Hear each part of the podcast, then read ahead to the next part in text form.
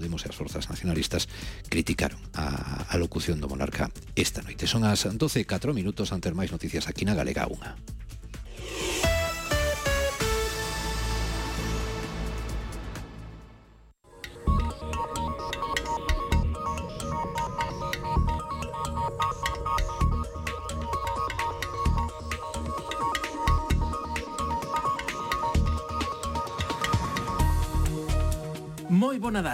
Un saúdo a César Goldi, Martín Pauli, Victoria Pérez e Manuel Vicente. Somos o equipo de efervesciencia.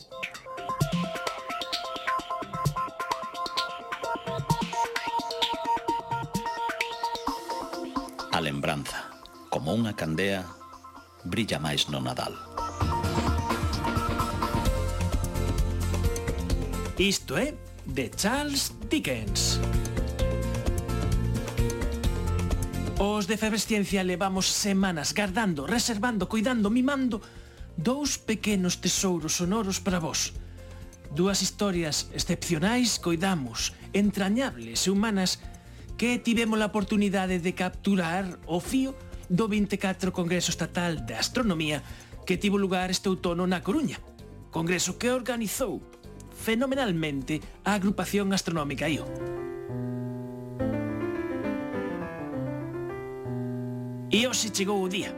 Hoxe é o día no que escoitaremos como soa o universo da man do investigador do Instituto Astrofísico de Andalucía, Enrique Pérez Montero, e onde tamén coñeceremos o faro de Jocelyn, Jocelyn Bell, unha das meirandes astrofísicas da historia. Benvidos a este especial de efervesciencia de Nadal. Hai outros mundos, pero están neste. Efervesciencia. Doses de ciencias en contraindicacións. Patrocinado pola FECIT, Fundación Española para a Ciencia e a Tecnoloxía, Ministerio de Ciencia e Innovación, unha colaboración da Universidade de Santiago e a Radio Galega. O apoio da Axencia Galega de Innovación da Xunta de Galicia.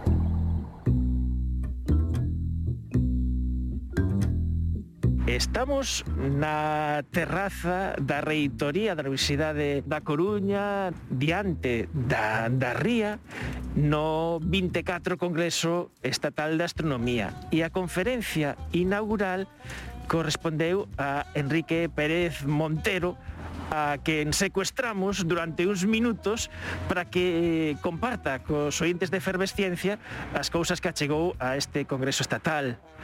Moi boas, Enrique. Hola, que tal? Como estás? Moi ben. Con Enrique falábamos, non sei se te lembras, contigo en efervesciencia, non presencialmente, como estamos agora, era nun final de ano, pois hai tres anos, falábamos contigo e nos contabas as túas investigacións como investigador do Instituto Astrofísico de, de Andalucía no que nos contabas as túas investigacións nas galaxias eh, que teñen moita actividade que nacen estrelas novas para investigar como eran esas galaxias primixenias, ¿no? Pues sí, claro que me acuerdo, me acuerdo perfectamente, que no he dado muchas entrevistas en Nochevieja. Además me acuerdo bien que tratamos un poco de mi proyecto de divulgación, que se llama Astroaccesible y que trata de enseñar astronomía de una manera inclusiva. Porque en esa entrevista, además, o fixéramos eh, con, con intención, fixemos é unha boa parte para falar da túa investigación e, e ao final dixemos, bueno, é que Enrique, a, ademais, desde hai uns anos, é un astrónomo profesional que non ve e entonces quitamos a cousa de que se pode eh, facer astronomía, se pode comunicar e divulgar astronomía sen necesidade de ver. Pues exactamente es así. Yo perdí la vista por una enfermedad degenerativa que se llama retinosis pigmentaria, pero como es un proceso lento que me permitió adaptarme y gracias al uso de nuevas tecnologías he podido seguir dedicándome a mi investigación, con, la, con la, el añadido de que al estar en la 11 y mucha gente interesarme cómo era posible de que pudiera seguir haciendo astronomía sin ver, pues se me abrió el campo de la divulgación investigación y de este proyecto tan interesante que, que permite explicar astronomía sin, sin, el uso de imágenes. Astro Accesible, que eh, o enderezo eh, da página web onde están todos estes materiais. E de feito, mira, teño aquí debaixo da mesa un compañeiro teu de traballo que traballades en equipo en tándem que ademais eh, eh, este can leva un cartel que di Ollo, non me des alumiños que estou a traballar. Pues sí, es mi perro guía Rocco, que me acompaña desde hace cuatro años y medio y que sin él difícilmente podría hacer muchas de las cosas que hago porque es el que me lleva al trabajo. Así que como agradecimiento le pongo siempre eh, en los agradecimientos de mis artículos científicos, el, como coautor en muchas de mis presentaciones, porque él es también parte del equipo, claro. Eh, parte do equipo, eh, nesta presentación, na charla inaugural deste Congreso Estatal de Astronomía que se está tendo lugar eh, na Coruña, eh, moitas veces hai un abuso cando se fan charlas do PowerPoint, pero no teu caso, o teu PowerPoint era un PowerPoint sonoro, porque alguén que estivese na sala que non pudese ver ou que pechase mismamente os ollos, podría seguir a charla perfectamente. Pues sí, eh, precisamente era el, el, tema de la charla y el motivo por el que me han invitado. Nosotros hemos utilizado siempre estrategias inclusivas que incluyen desde el uso de descripciones completas, el uso de la voz, el uso de maquetas, pero hace un par de años, que es un tema que, no, que yo creo que no tratamos la última vez que me entrevistaste, que es el uso de, de sonidos y sonificaciones, que además gracias a eso, en el último año y medio de pandemia donde el, contacto, la cercanía entre las personas está tan restringida, pues nos ha permitido poder seguir haciendo actividades dedicadas a personas tanto que ven como que no ven, utilizando el, sonido como recurso inclusivo y, aparte de, lo que normalmente se utiliza como recurso, que son las imágenes. E, e unha pregunta que fixeron ao final que me pareceu moi interesante, ou un comentario que fixeches, foi que en divulgación científica o único son que puxemos todos os medios por todos os lados foi este.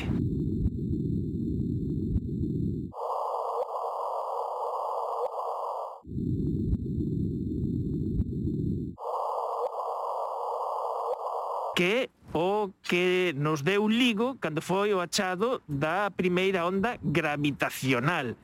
Pero desde o teu punto de vista, este son eh, cativo. Sí, porque es que de hecho podemos utilizar sonidos para divulgar cualquier evento astrofísico. Al fin y al cabo, la mayor parte de lo que sabemos del universo son radiaciones electromagnéticas que podemos transformar a un sonido. Solamente hay un par de ejemplos que puse en la charla al principio de sonidos reales, que son de sonidos tomados en otros planetas que tienen una atmósfera y tienen un medio eh, físico en el cual la onda sonora se puede propagar. Puse una sonificación del planeta Marte, tomado por la sonda InSight, y puse otra del aterrizaje de la sonda Huygens en Titán. Pero todo el resto son transformaciones, traducciones de ondas electromagnéticas a sonido. Entonces, el hecho de particularizar un tipo de información como es la onda gravitacional, eh, decir que eso sí lo podemos significar y otras cosas no, a lo mejor nos da una idea equivocada acerca de lo que son las ondas gravitacionales, ¿no? Cuando realmente, he puesto muchos ejemplos durante la charla, cualquier tipo de información en onda electromagnética, sea luz visible o rayos X o infrarrojos, puede ser sonificada o musificada, dándole incluso cierta belleza,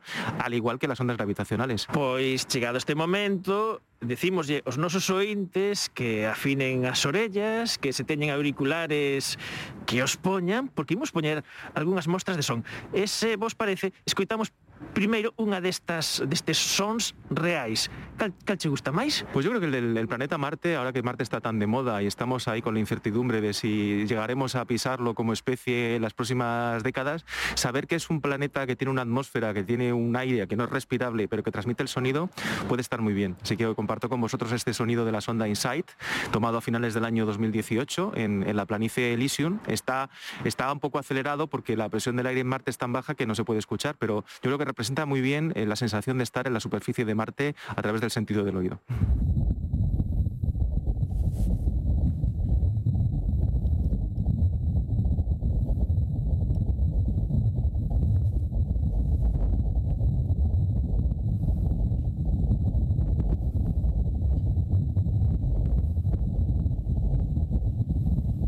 Estes son sons reais. E unha cousa unha reflexión que faz é que eh, coas imaxe, coa imaxe científica, en moitos casos non nos eh, non facemos un plantexamento de se a imaxe é real, porque en moitos dos casos eh, son eh, datos científicos que logo son retocados dun xeito artístico, que o mellor o telescopio eh, ten o que a fotografía en blanco e negro e que logo eh, artísticamente, dun, dun xeito máis ou menos arbitrario, se poñen eh, as cores. Sen embargo, cando se fai isto co son, sempre se está cuestionando. Sen embargo, non acontece coas imaxes. Sí, el, el, el cuestionamiento eh, siempre debe estar ahí. Es, es, normal cuestionarse las cosas y preguntarse de dónde vienen, pero es exactamente lo, tu, lo, que tú acabas de mencionar. Cuando es una imagen, le damos, lo elevamos a la categoría de incuestionable. Lo que vemos es real. De ahí viene la frase de si no lo veo, no lo creo. Cuando normalmente la, la inmensidad de las imágenes están retocadas o incluso no son reales, son animaciones o eh, e interpretaciones artísticas de ciertos eventos. Cuando es el sonido, como somos conscientes de que no es real, porque sabemos que el sonido no se puede transmitir por el espacio, pues enseguida somos más conscientes de, cuáles son sus limitaciones, qué representa cada una de sus variables, con lo cual lo hace también un vehículo muy apropiado para, cuestionar y para pensar y reflexionar acerca de lo que esos datos significan. Isto está acontecendo agora mesmo coa COVID, cando as representacións que se poñen do SARS-CoV-2, a maioría delas son representacións artísticas, se, eh, se utilizan profusamente e moitas veces non caemos na conta que realmente é unha abstracción de como é o virus. E, nada, prometíamos sons. E imos Ademais, traballar unha hipótese que ti dis que escoitar un son con contexto, sen contexto, cambia. Imos lanzar un primeiro son sen saber o que é, Eh, eh, luego damos yo contexto. Sí, vamos a escuchar eh, dos sonidos, porque eh, precisamente el, poner en contexto el, sonido, al igual que con la imagen, da pie a que la interpretación sea libre, lo cual en el ámbito del arte es, es valorado y es muy útil, ¿no? Pero en el caso de la ciencia, cuando queremos ser muy precisos y rigurosos, no es tan, no tan importante, no, no, es, es, mucho más importante poner ese, ese contexto. Entonces, en el caso de los sonidos tenemos referencias muy claras, pero claro, si lo ponemos en relación al espacio, tenemos que contextualizarlo muy bien. Entonces, escucharemos primero un sonido relacionado relacionados con el espacio o no, que sabremos interpretar y luego escucharemos un segundo sin saber lo que es, a ver si somos capaces, sin ponerle ese contexto, acerca qué es lo que está representando.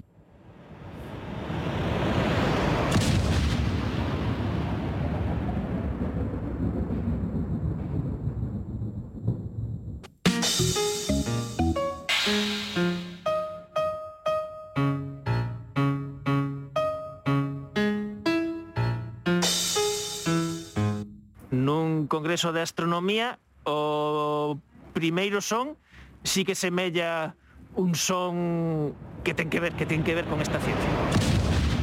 Eh, sí, es, es la, la, simulación de la caída de un meteorito. ¿Qué es lo que ocurriría si un meteorito colisionara con la Tierra y la onda de expansión que se produciría si, eh, si en contacto con el aire, la onda de sonido que, que se crearía a causa de esa colisión? Eh, o segundo, eu coido que non vamos, que non o adivina ninguén. Non. No porque no he explicado lo que es y muchas veces utilizan tipos de sonificaciones de en una dimensión que a lo mejor representan una, serie temporal o una serie espacial, pero en este caso he tomado de una página de biología que representa una cadena de ADN, la secuencia de ADN de una proteína del ser humano. Cada uno de los sonidos representa cada uno de los ácidos nucleicos de la, de la proteína, cosa que es imposible saber si antes yo no lo he explicado, no lo he puesto en, contexto, claro. Ben, xa sabemos que o contexto é importante. Eh, e logo podemos ter exemplos nos que poder mesmo podemos comparar auditivamente, por exemplo, eh, gráficas eh, en dúas dimensións, eh, eh como evolucionan fenómenos eh, que teñen dúas variables. Isto parece moi complexo, pero mm, podemos damos contexto e logo escoitamos. Pues sí, una de las maneras de, poner contexto, aparte de, la importancia de los sonidos al ser inclusivos, es no renunciar al uso de imágenes. Primero una explicación previa, pero también el pintar gráficas con sonidos, que es lo que hacemos en uno de los proyectos que llevamos a cabo en el Instituto de Astrofísica de Andalucía, se llama Cosmonic, y lo, está hecho en colaboración con, con Rubén García Benito, otro doctor de nuestro instituto, en el cual eh, añadimos sonidos a las gráficas. Y, y esta en concreto que vamos a escuchar, aunque no vamos a ver gráfica, pero creo que el sonido es lo suficiente explicativo para saber cómo evoluciona una estrella. Asociamos distintas variables a la evolución de la estrella, asignamos un timbre para saber cuánto tiempo pasa y sabemos cómo evoluciona esa estrella en función de su masa eh, y, cuál es su fin, si explota como supernova o, o no. Evolución estelar. Estrella de 1,25 masas solares. Luminosidad de frecuencia. Temperatura es vibrato. Intervalo de 550 millones de años.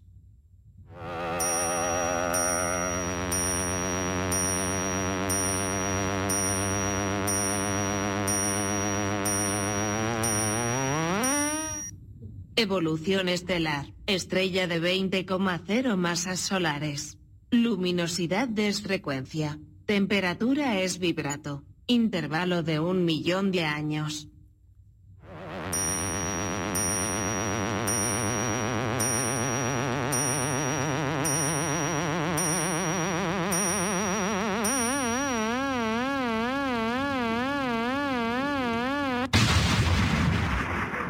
neste caso, digamos que eh, esta axuda é unha axuda que sirve para xente que pode ver, para xente que non pode ver. Non, non, non supón un estorbo para, para a interpretación, máis ben o contrario. Eso, eso es. Eh, tiene la doble, la doble virtud, digamos, de que la gente que no oye lo entiende porque lo ve, la gente que no ve lo oye lo puede entender también, pero el que tiene los dos canales le sirve de refuerzo y es capaz de, de prestar mucha más atención y entender mucho mejor los conceptos que se le quiere transmitir. Eh, se pode explicar, por exemplo, non sei, o Premio Nobel de Física do ano pasado dese obxecto que di a academia mm. supermasivo no interior da nosa galaxia Sagitario a estrela también se puede sonificar. Sí, en, este caso, mira, voy a compartir con vosotros un, mapeo de lo que es el centro de nuestra galaxia, Sagitario a Estrella. Se utiliza un timbre para cada una de las bandas en las que se ha observado, en rayos X, en infrarrojo y óptico. Cada uno de los componentes que están allí cerca, aunque son invisibles en el óptico, porque el disco de nuestra galaxia está absorbiendo la luz, lo podemos eh, observar con otras longitudes de onda. Y se puede eh, apreciar a través del sentido del oído, con ese barrido que cubre toda esa zona, como hay una acumulación de estrellas y de gas caliente en torno a ese agujero negro central que sabemos que está ahí, pero que no hemos visto. Sabemos que está ahí a través de los efectos que produce en los elementos que tiene cerca de él.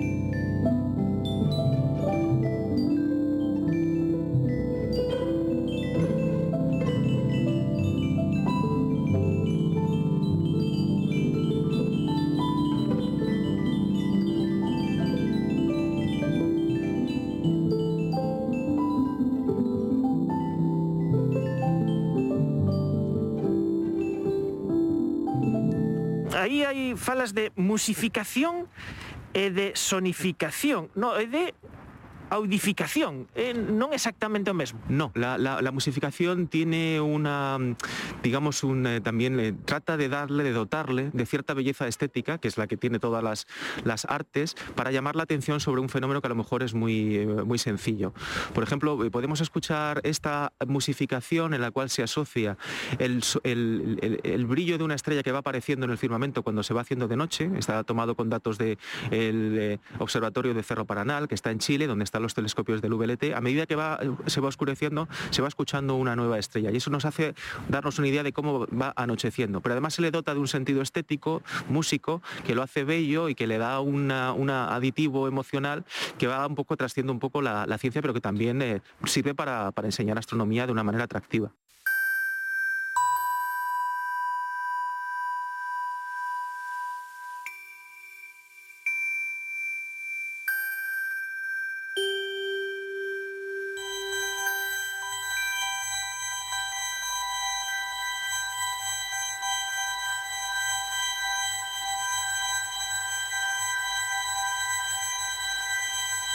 E escoitando esta musificación dámonos conta de que este é un ceo eh, contaminado luminosamente que probablemente se convertimos en música eh, aposta o solpor aquí en Coruña non tiñamos tantos sons, seguro. Sí, de hecho yo he retado a la audiencia que contara cuántas estrellas se pueden ver desde Cerro Paranal en relación a La Coruña y, claramente sale ganando un sitio tal como este, con la ventaja además de que no han tenido que utilizar sus ojos y no hemos tenido que, que trasnochar para poder verlo ni viajar hasta hasta allí para poder experimentar esa sensación de como anochece. E, e outro proxecto no que andades embarcado é o audiodescripción, que é algo moi acaído para as persoas que non, que non poden ver, eh, que vos o queredes levar máis alá de, por exemplo, de unha descripción de, de un cadro, dunha obra artística.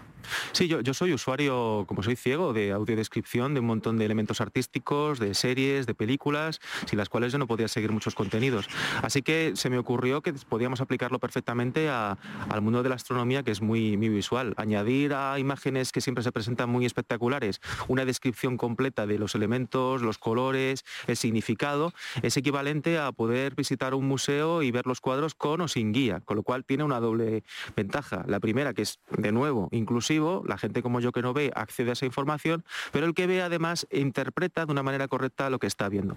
Así que hemos creado una serie de, de vídeos, audio descritos con objetos del catálogo de Messier, que son algunos de los más brillantes y más conocidos del hemisferio norte. Están todos en YouTube. Es un proyecto que se llama El Universo en Palabras y de momento a la gente le está gustando y está siendo seguido tanto por personas ciegas como no ciegas. M51, la galaxia del remolino. En la imagen se muestra una pareja de galaxias. La primera de ellas es 10 veces más grande que su compañera. Las dos galaxias están rodeadas por un halo de gas de color blanquecino. El objeto más grande contiene un bulbo o núcleo galáctico pequeño en relación con el resto de su estructura. La galaxia serpentea desde el bulbo hacia afuera, extendiéndose en forma de espiral. Que, que sería equivalente tamén, que dices, de levar un museo, de levar un guía, ou as típicas audioguías que tamén hai nos museos. Claro, exactamente. Eh, muchas veces si tú no eres iniciado en un periodo artístico, en una manera de pintar, eres capaz de admirar la belleza de un cuadro, pero sin interpretarlo correctamente. Eh, la, la, descripción, el poner en contexto ese cuadro te ayuda a entenderlo mejor. Y además, insisto, tiene la ventaja de que una persona que no ve el cuadro o que no ve la imagen astronómica en este caso, accede por primera vez a esa información. Eh, eh, curiosamente, vou un poquillo de, tem de, de tema, pero estamos viendo en unha época época que, por exemplo, están eh, surdindo con moita forza, por exemplo, os audiolibros, que era algo que pode, parecía, mm, podía parecer unha idea moi marxinal e, sin embargo, esa é unha industria económica e as editoriais están facendo, e xa hai grandes imperios económicos que teñen as súas propias plataformas, precisamente para que a xente escoite audiolibros, pois cando está no coche, etc. E, e me imagino que se acaban de dar conta eh, de algo que o mellor a xente cega xa sabía des, desde hai décadas. Sí, sí, yo, yo soy consumidor voraz de audiolibros, en este caso es de la biblioteca eh, digital de la ONCE que tiene un muestrario amplísimo y si no, yo mismo les, les propongo libros de divulgación científica de otros temas que me interesan muchas veces es mi manera de leer, aunque siempre tenía un cierto debate con mis hijas que me decían que eso no era leer, ¿no? Pero a mí la sensación que me queda es la misma que si lo hubiera eh, leído visualmente. Y efectivamente, al final, después de cierto entrenamiento, es, es la misma sensación, con, con, la ventaja que decíamos antes que hay mucha gente que a pesar de que ve perfectamente, es capaz de entender mejor el contenido del libro cuando lo está escuchando que cuando lo está viendo. O sea que es un recurso eh, que no solamente beneficia a las personas que no ven, sino a mucha gente que, aunque pueda ver, realmente entiende mejor las cosas cuando se la, las escucha en vez de verlas. Eh, non sei se nos queres eh, lanzar algún algún son máis que nos queda así para o final desta, desta conversa. Bueno, aprovechando que una de las invitadas de la, del Congreso, aunque no en este fin de semana, es Jocelyn Bell, que fue una de las descubridoras de, de, de, de los púlsares y, y luego de que había una conexión entre los púlsares y las estrellas de neutrones, pues os voy a poner unos cuantos sonidos de púlsares eh, transformando su señal de radio, que es muy periódica, en un, en un sonido perfectamente reconocible.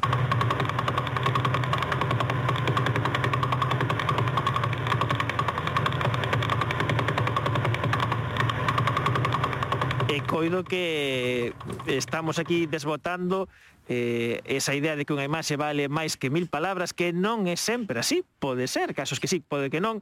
Os que traballamos na radio eh, xogamos na mesma liga que vos, porque eh, estamos nestas, eh, e quizáis eh, eh, tamén hai unha serie de recursos que o tocalos, xa nos deixamos un pouco o, o son, está o son do tacto que estes eh, recursos en 3D que se poden tocar e que pasa o mesmo que nos acabas de dicir co, co son, que para as persoas que vemos eh, nos complementa a información incluso, isto nos falabas outra vez que, que falamos contigo, uh -huh. e poden axudar a desbotar eh, malas concepcións que temos do espacio do universo, porque se vemos unha foto da lúa do sol, por exemplo, se vemos a mesma escala, e isto se nos queda aí metido de dentro, inda que o mellor os saibamos logo racionalizar.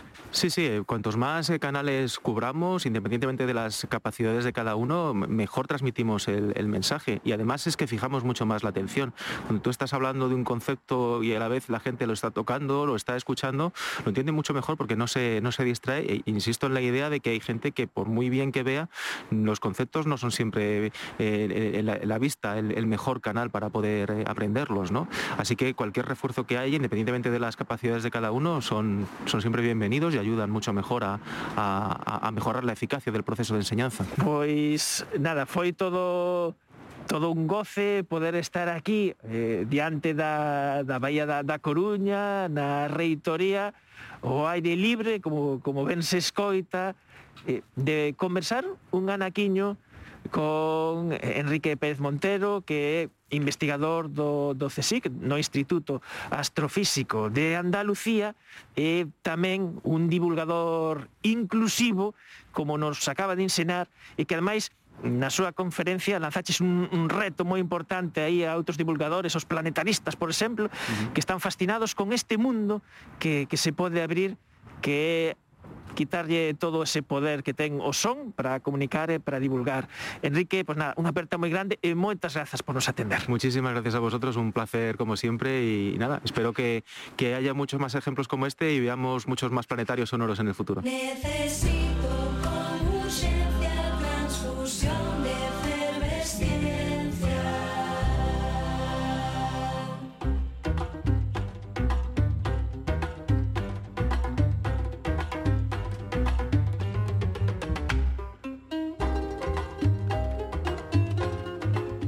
para moitos dos aficionados a astronomía en Galicia e singularmente para o noso Martín Pauli, este foi o ano de Jocelyn. Martín, moi bons días. Moi bo día. Jocelyn Bell, a descubridora dos púlsares que finalmente, logo de moitos esforzos e moitos atrasos, estivo por fin na Coruña no Congreso Estatal de Astronomía que organizastes este ano. Sí, foi o espléndido colofón que tivo o Congreso Estatal de Astronomía, non puido estar xustamente nos días do Congreso, eh, desta volta non era posible sincronizar tantos reloxos, mas unha semana despois tivémola na Coruña, eh, foi extremadamente xenerosa e amável connosco en todo momento, eh, antes, durante e despois, podemos decir. Non? Realmente foi un auténtico privilexio non só estar cunha das lendas vivas da ciencia, senón ademais constatar e descubrir que é tan brillante como persoa como foi e o é como científica. A segunda parte deste especial de Nadal de Efervesciencia ímolo dedicar á figura de Jocelyn Bell, a descubridora dos púlsares. Os púlsares que son unhas estrelas especiais.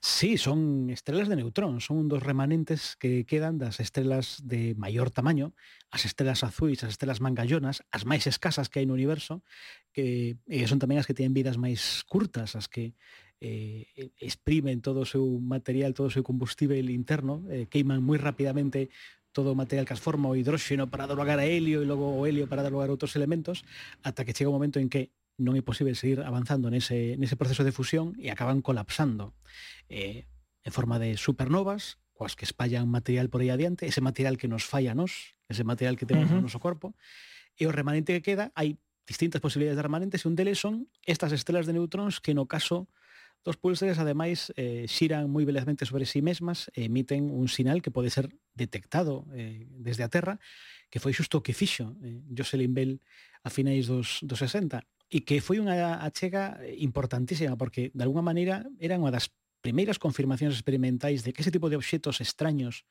que se postulaban eh, pola teoría de evolución estelar eh, que tiña unha realidade física, non? Eh, a importancia eh, ao longo do século XX do, do achado dos púlsares é colosal por iso, non? E ás veces non sempre se deu ou non sempre se valorou coa suficiente relevancia, non? E non é somente descubrir un tipo de obxeto raro, é ese obxeto raro se corresponde con un algo real que a teoría predicía e que non sempre estaba claro que podía ser eh, detectável, non?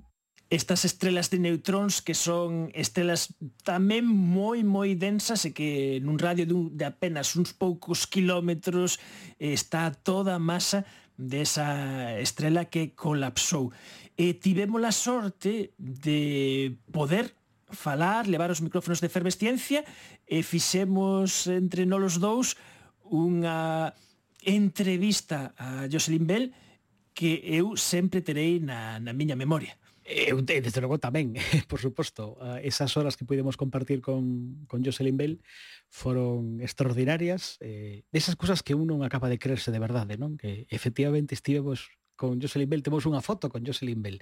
Pois efectivamente sucedeu, sucedeu na Coruña en outubro eh, e algo que desde logo marca para min, desde logo, e supoño que tamén para ti, este ano 2021. Fíxome moitísima, moitísima ilusión. E agora que traemos a este especial a entrevista eh, que hai de escoitar, seguro que a ser unha ilusión e unha emoción compartida.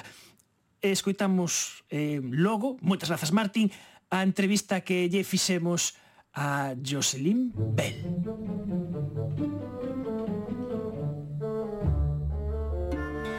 Jocelyn Bell, moitas grazas por nos atender.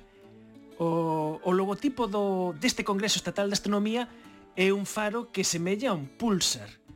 Pros astrónomos afeccionados, eh, ti és unha heroína. E eh, tamén para nós, e coido que has de selo tamén para os nosos ointes. Que sentes sendo esta especie de, de faro? Um, I find it a little bit embarrassing, but equally... Coido que un chisco embarazoso, pero por outro lado, se serve para alentar a máis rapazas para facer ciencia, a cousa está ben. Because uh, certainly in Britain, De feito, en Reino Unido a moitas rapazas se lles di que a ciencia é moi dura, é difícil, e que non teñen posibilidades de dedicarse a ela, Isto é falso. E aínda así, yo din. Este Congreso Estatal de Astronomía que organizou a agrupación astronómica coruñesa IO tivo que ser suspendido nun par de ocasións por causa da COVID. Pero pudemos ver unha entrevista telemática que te fixo a astrofísica galega da Universidade de Vigo, Ana Ulla. E nesa entrevista, nunhas das respostas, confesabas que eras moi afeccionada a poesía astronómica. E non sei se só como lectora ou tamén te animas a escribir os teus propios versos. No, I don't I don't write poetry. My use of language is not good enough. Non, non escribo poesía. O meu dominio da linguaxe non é bodabondo, pero gustame de verdade lela. In the laboratory, uh -huh. day by day, É algo que non comento no día a día do laboratorio, pero gozo realmente dando charlas de poesía astronómica.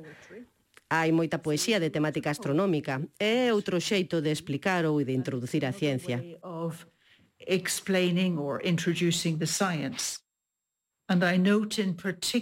Decátome que cando imparto charlas de astronomía e poesía teño máis mulleres na audiencia que cando falo estritamente de astronomía. Estou encantada de involucrar a máis mulleres and I'm keen to get more women involved. Cal é o teu poeta ou a tua poeta astronómica favorita? Well, it started by accident with a poem that I very much like. Todo empezou por casualidade, por un poema que me gustou moito de Elizabeth Jennings, que é unha poeta contemporánea. Non estou segura, pero sei que está aínda viva. Ela é de Oxford, onde traballo. Non tiña oído falar dela ata que ao final dunha das miñas charlas de astronomía un amigo preguntoume Do you know Elizabeth Jennings' poem, Delay? Coñeces o poema Delay, de Elizabeth Jennings? Nunca oíra falar dela, e moito menos do seu poema. Así que me deu unha copia de tan só oito liñas e pensei, wow. wow. E pregunteime se había máis, de onde veu isto. E comecei a pescudar na web e agora teño unha gran colección de poemas de temática astronómica. E así é como ás veces imparto charlas de astronomía e poesía, e consigo mesmo que o público lea os poemas. Aproveitando que estás en Galiza, eh, debes coñecer a nosa poeta nacional Rosalía de Castro, que ademais ten unha conexión moi especial coas noites estreladas, e quizáis eh, pode acabar aparecendo nas túas charlas de poesía e astronomía. Yes, um, but are there good English sí, se tivese unhas boas traducións ao inglés... Pois hai que conseguir unha.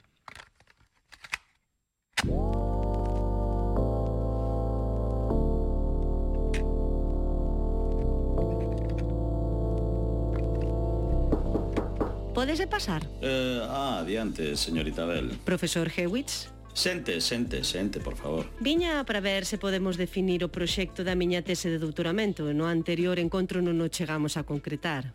Eh, sí, sí, estiven a matinar, sí, sí. Eh, Coido que o máis interesante para a súa carreira é traballar en Cuásares. Eh, non, non cree vostede? Eh, sí, eh, pareceme ben. Meu Deus, Cuásares, é o último en astronomía. Como descubran que apenas sei nada disto, bótame de Cambridge. Ainda non sei por que non o fixeron. Pois, mansa hora, señorita Bel. Empezamos mañá ás oito pero para iso necesitamos un radiotelescopio e non o temos. Pois haberá que construir un, non?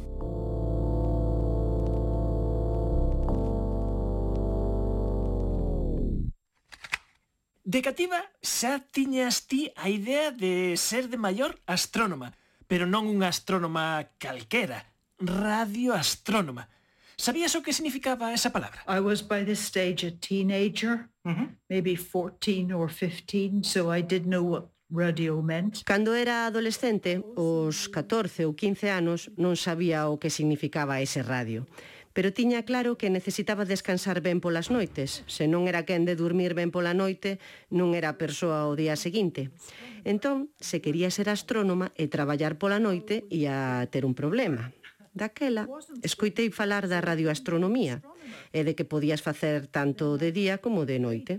O sol non cega as ondas de radio como fai coa luz. A radioastronomía funciona ás 24 horas do día, o que significa que pode traballar cun horario de oficina, é dicir, polo día. Radio astronomy works 24 hours and it means mostly you keep office hours. Ajá. Daytime working. Cando eras nena hubo un libro de Fred Hoyle que foi decisivo, que che marcou moito. Yes. Sí, was, totalmente. Foi a túa porta de entrada á ciencia ou en concreto a astronomía? That was indeed. Yes, um, I was probably about 12 or 13. Con certeza andaría eu polos 12 ou 13 anos. Na clase de física no colexio estábamos a dar o que lle ocorre ás cousas que dan voltas en círculos. Se vas moi rápido nunha curva, saes disparado pola tanxente. Se queres ir máis veloz, necesitas algo que te manteña na curva. Isto é o que acontece nunha galaxia. É a gravidade. That in the case of a galaxy which goes round is gravity. So At school I'm learning about how you need. Cando na escola aprendín como manterte na estrada cando conduces rápido, estaba a ler un libro do meu pai que falaba da galaxia en rotación. 100.000 millóns de estrelas rotando conxuntamente sen se desviar da estrada, sen voar cada unha pola súa conta. Not flying apart. Oh, isto está relacionado ca física que estamos aprendendo na escola. Quizáis poida chegar a ser un astrónomo. eh, o curioso é que Fred Hoyle foi quen te meteu, de alguma maneira, no mundo da astronomía cando eras nena, mas despois acabas atopando logo moito máis adiante na túa carreira. Sí, coñecín a Fred Hoyle máis tarde. Hoyle deunos unha conferencia aos estudantes de posgrado. Non é que el fose estúpido, pero pasoulle algo que ás veces pasa nestas conferencias. Os astrónomos traballan con grandes distancias, por iso teñen as chamadas unidades astronómicas ou parsecs. Fred Hoyle estaba a facer un cálculo para nós no encerado e esqueceu pasar de centímetros a parsecs de centímetro o cubo a parsecs o cubo. Así, a súa solución foi incorrecta por un factor de 10 elevado a 54. Un 1 e 54 ceros. Perfecto. Se un eminente astrónomo como Fred Hoyle comete ese erro, hai sitio aquí para min. right, if an eminent astronomer like Fred Hoyle can make that mistake, there's room for me.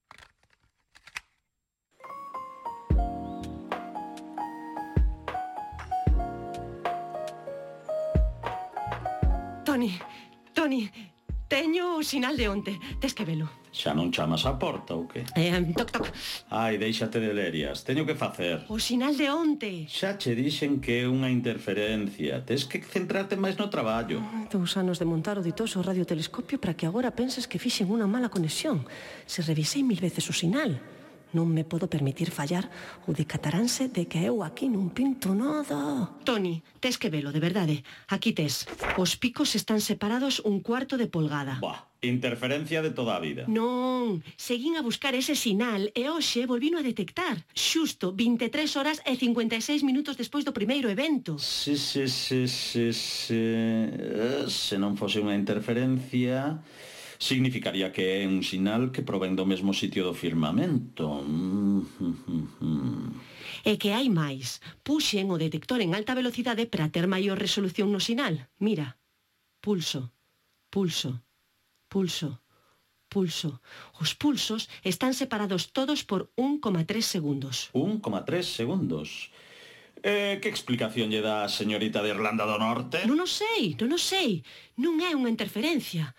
Uf, como non sexa... O que? Eu que sei, Toni. A ver se é un sinal extraterrestre dun someciños verdes. sí que te sentido do humor, sí. Os de Belfast somos che así. De acordo, de acordo. Estudaremos o teu sinal de homeciños verdes. Ben, non che vou defraudar, Toni. Anda, vai. Eh, deixa pechada a porta.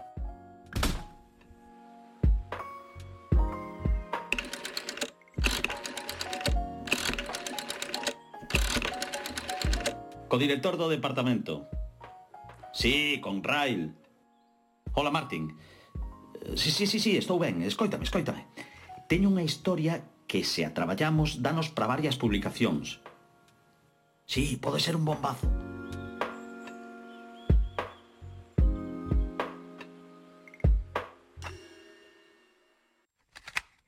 Fred Hoyle foi un eminente cosmólogo, foi quen acuñou a verba Big Bang inda que el a utilizaba de xeito despectivo, pero na túa carreira científica foi unha das primeiras persoas, se non a primeira, que interpretou correctamente o significado físico do teu descubrimento do pulso. Sí. E segundo teño entendido, os 45 minutos da túa presentación Hoy dixo algo así como, "Mm, yes, isto sí. podría ser unha estrela de neutróns." Yes, but it was my supervisor. Sí, pero foi o meu supervisor quen deu a ah, charla. In, Eu estaba no público audience. escoitando. Sí que é un dato relevante este.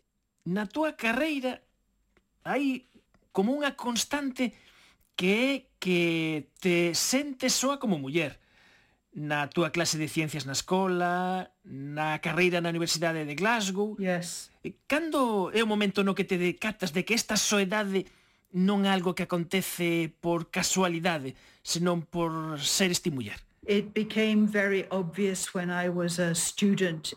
Fíxose obvio cando era estudiante en Glasgow.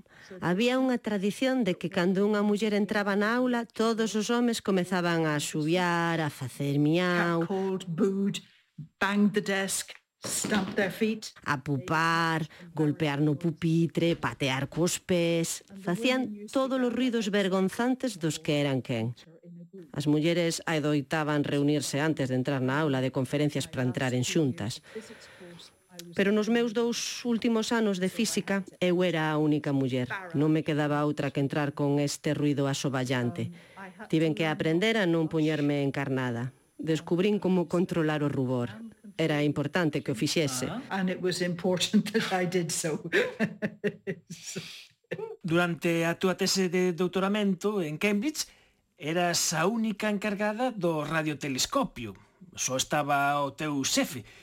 Un aparato que tivestes que construir vos mesmos. I was one of a group of about six people that mhm. built the radio telescope. Um, the other five were men. Eu formei parte do grupo de seis persoas que construíron o radiotelescopio. Os outros eran cinco homes. Eles fixeron a maior parte do traballo pesado cos martelos, pero eu tamén lle din un bo meneo os mazos que pesaban uns 7 kilos. So I could swing it properly. Eu podía menealo perfectamente. Xogaba ao hockey e podía golpear a bola dende unha esquina ata outra. Por iso era tan forte con este mazo. O radiotelescopio co que traballabas non é o típico radiotelescopio con forma de prato que temos sempre na cabeza, senón unha lea de cabos realmente parece como un gran balado eh, no, no medio do campo.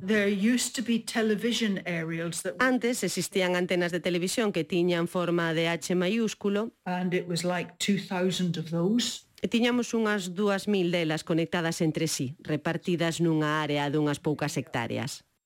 A few hectares. Os datos do teu radiotelescopio non salían por unha pantalla, senón por un plotter que os imprimía sobre un longo papel continuo. 5 5 kilómetros. 5 kilómetros. En eses 5 kilómetros de gráfica nun papel debías examinar todos os sinais para ver se eran interferencias ou contiña información interesante. That's because at that time the University of Cambridge had one computer. Isto é porque daquela a Universidade de Cambridge tiña unha computadora para toda a universidade. Estaba nun cuarto grande e posuía unha memoria como o do teu ordenador portátil para toda a universidade. Así que só unhas poucas persoas podían usala e nós non tiñamos ordenador. Así que todos os nosos datos estaban nesas longas, longas tabuas en rolos de papel. Pasteur dicía que na investigación o azar favorece as mentes preparadas. E coido que foi bastante o teu caso. Outros moitos puderon ver ese sinal e pensar que era unha interferencia, pero eh, ti te imaches en ver o que estaba aí agochado. I think because I was younger, Ajá. less experienced. Creo que como era máis nova e menos experimentada, estaba a ser cuidadosa para estar segura de que entendía todos os sinais. E este en concreto non o entendía. Así que fixen algunhas preguntas máis sobre este sinal. E aínda non o entendía. Así que o perseguín para tratar de entender que era este sinal raro. Para a ciencia é bo ter unha mirada desde fora. Eh, ti falas moito da importancia de de que foses un outsider, que eso axuda a mirar as cousas cunha distancia e mesmo sen complexos non? para afrontar certos problemas. I think that is right and certainly I added diversity. É certo, eu engadín diversidade, xa que era unha das poucas mulleres e non era do sur de Inglaterra, precisamente. Pero tamén creo que é importante que todos os investigadores se aseguren de que entenden o que fai o seu equipo. En este caso, o meu equipo estaba a facer algo ao que eu non podía dar sentido. En ciencia, para anunciar un descubrimento non abonda con ter un único sinal, unha única medida. That's right, yes. Así é. Por lo tanto, é fundamental ter esa segunda medición. Ese tamén foi o teu caso. Yes, I, I observed that curious signal many, many, many times. Observei ese curioso sinal moitas, moitas veces. Um, Aprendín máis sobre el cada vez pero tamén queres estar seguro de que aparecerá de novo. Algo que só aparece unha vez e vaise é imposible seguilo, si nunca o volves a ver, pero afortunadamente o meu volveu.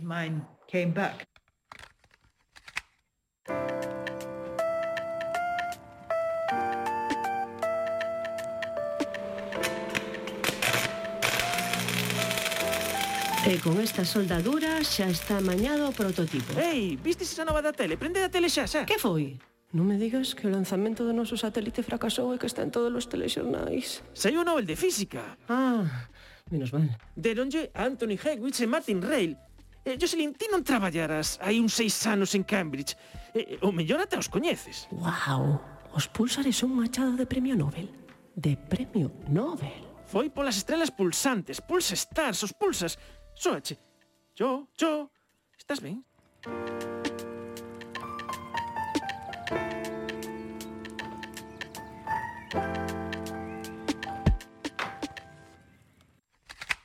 Estamos sempre a falar dos púlsares e dese momento concreto da tua vida, pero realmente a tua vida é moito máis longa.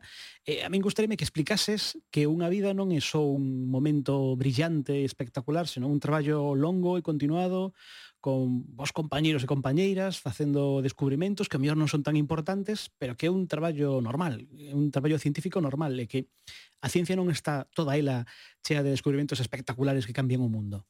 É certo, está chea de cousas normais e correntes que se prolongan durante semanas, meses e anos. A ciencia normal, a ciencia ordinaria é importante para, para a ciencia. Yes, it is. É absolutamente certo, sí.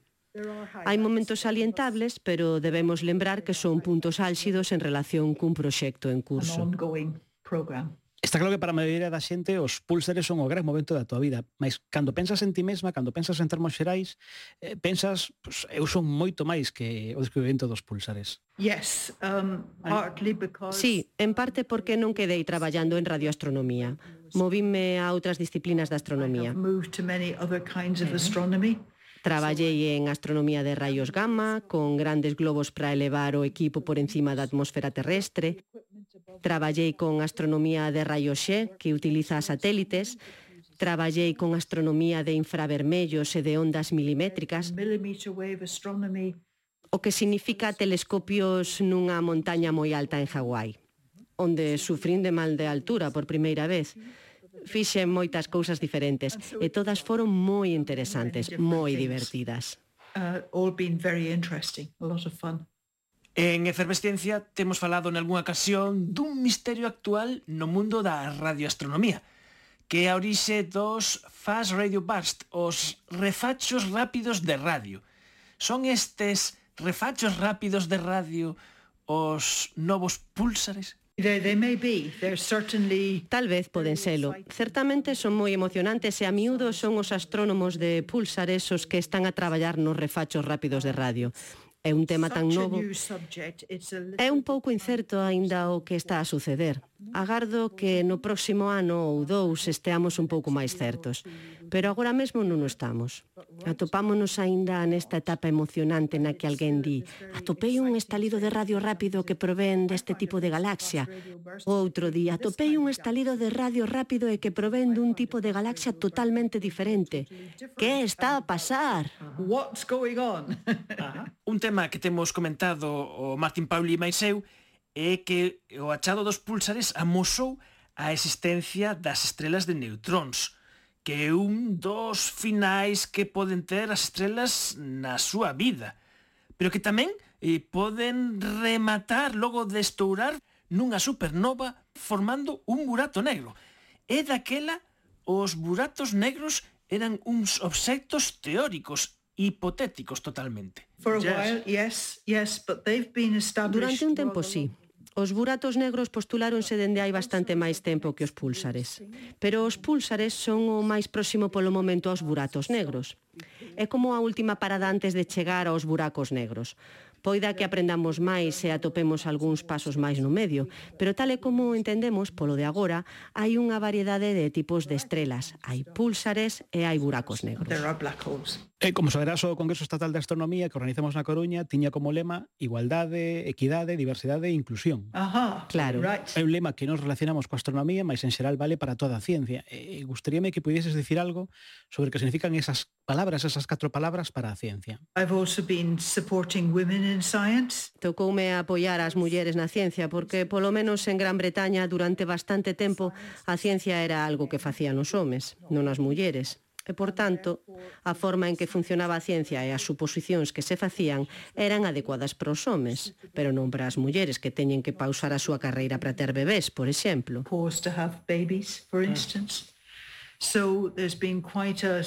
Así que houve un cambio bastante grande.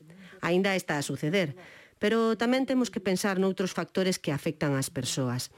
Agora estamos a recibir esta maior diversidade das persoas que se incorporan á ciencia e é saudable ter diversidade. Oh, and it's healthy to have diversity. Demostrouse que un grupo de traballo diverso é máis exitoso, máis forte, máis robusto e máis flexible que un grupo que está feito só de homes brancos, ou só de pequenos homes verdes, ou o que sexa todos os mesmos. É bo ter diversidade. All the same. It's, it's good to have diversity. Jocelyn Bell, moitísimas, moitísimas grazas de verdade por atender os micros de efervesciencia. Grazas por facela en inglés, porque non podería facela en español. O noso programa é en galego.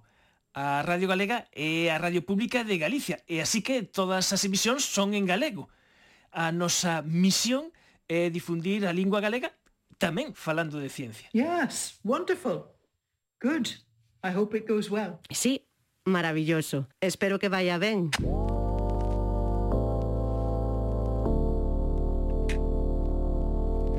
O retardo. O resplandor da estrela que se apoia en min brillaba hai anos. A luz que xa ora brilla alá enriba onde os meus ollos nunca a vexan quizáis. E por iso o retardo faime pensar curiosa. O amor que agora pode non me alcanzar ata que o seu primeiro desexo se gaste O pulo da estrela debe agardar a que os ollos o reclamen guapa e o amor chegado pode atoparnos noutra senda. Efervesciencia. Patrocinado pola FECIT, Fundación Española para a Ciencia e a Tecnoloxía, Ministerio de Ciencia e Innovación, unha colaboración da Universidade de Santiago e a Radio Galega. O apoio da Axencia Galega de Innovación da Xunta de Galicia. Este foi o especial de Nadal de Efervesciencia na Radio Galega. Ogallá vos teña gustado canda menos tanto como ven que o pasamos preparando. O vindeiro mércores acudiremos a nosa cita semanal das 9 da noite na Crónica. Pero ademais, tamén volveremos o sábado día 1 de xaneiro en Aninovo ás 12 do mediodía con outro especial. Coidadevos. Moi bon Nadal. And then we sang a song The rare old mountain 情，我承认 foi Mamá, estivemos pensando en pasar noite vella na casa dos meus sogros e ano novo aquí contigo. Impórtache? A min? A nai que te trouxo ao mundo? A min que me vai importar?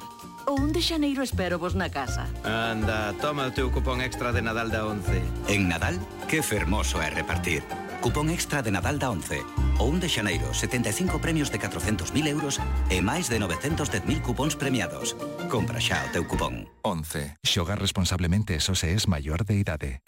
Este Nadal as cancelas enchense de estrelas. Ven a visitar a exposición sobre a Vía Láctea, a gozar do carrusel de Nadal e a divertirte con contacontos, títeres, maxia, espectáculos de música e baile na casa de Celi. Este Nadal en as cancelas ti esa estrela. En Nadal abrimos todos os domingos para ti. As cancelas, o centro de Galicia.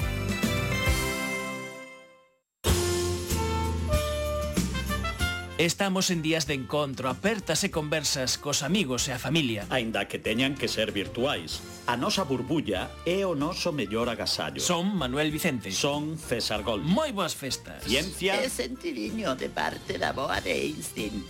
Ui, e alegría tamén, claro. Efervesciencia. Quedamos contigo. Radio Galega.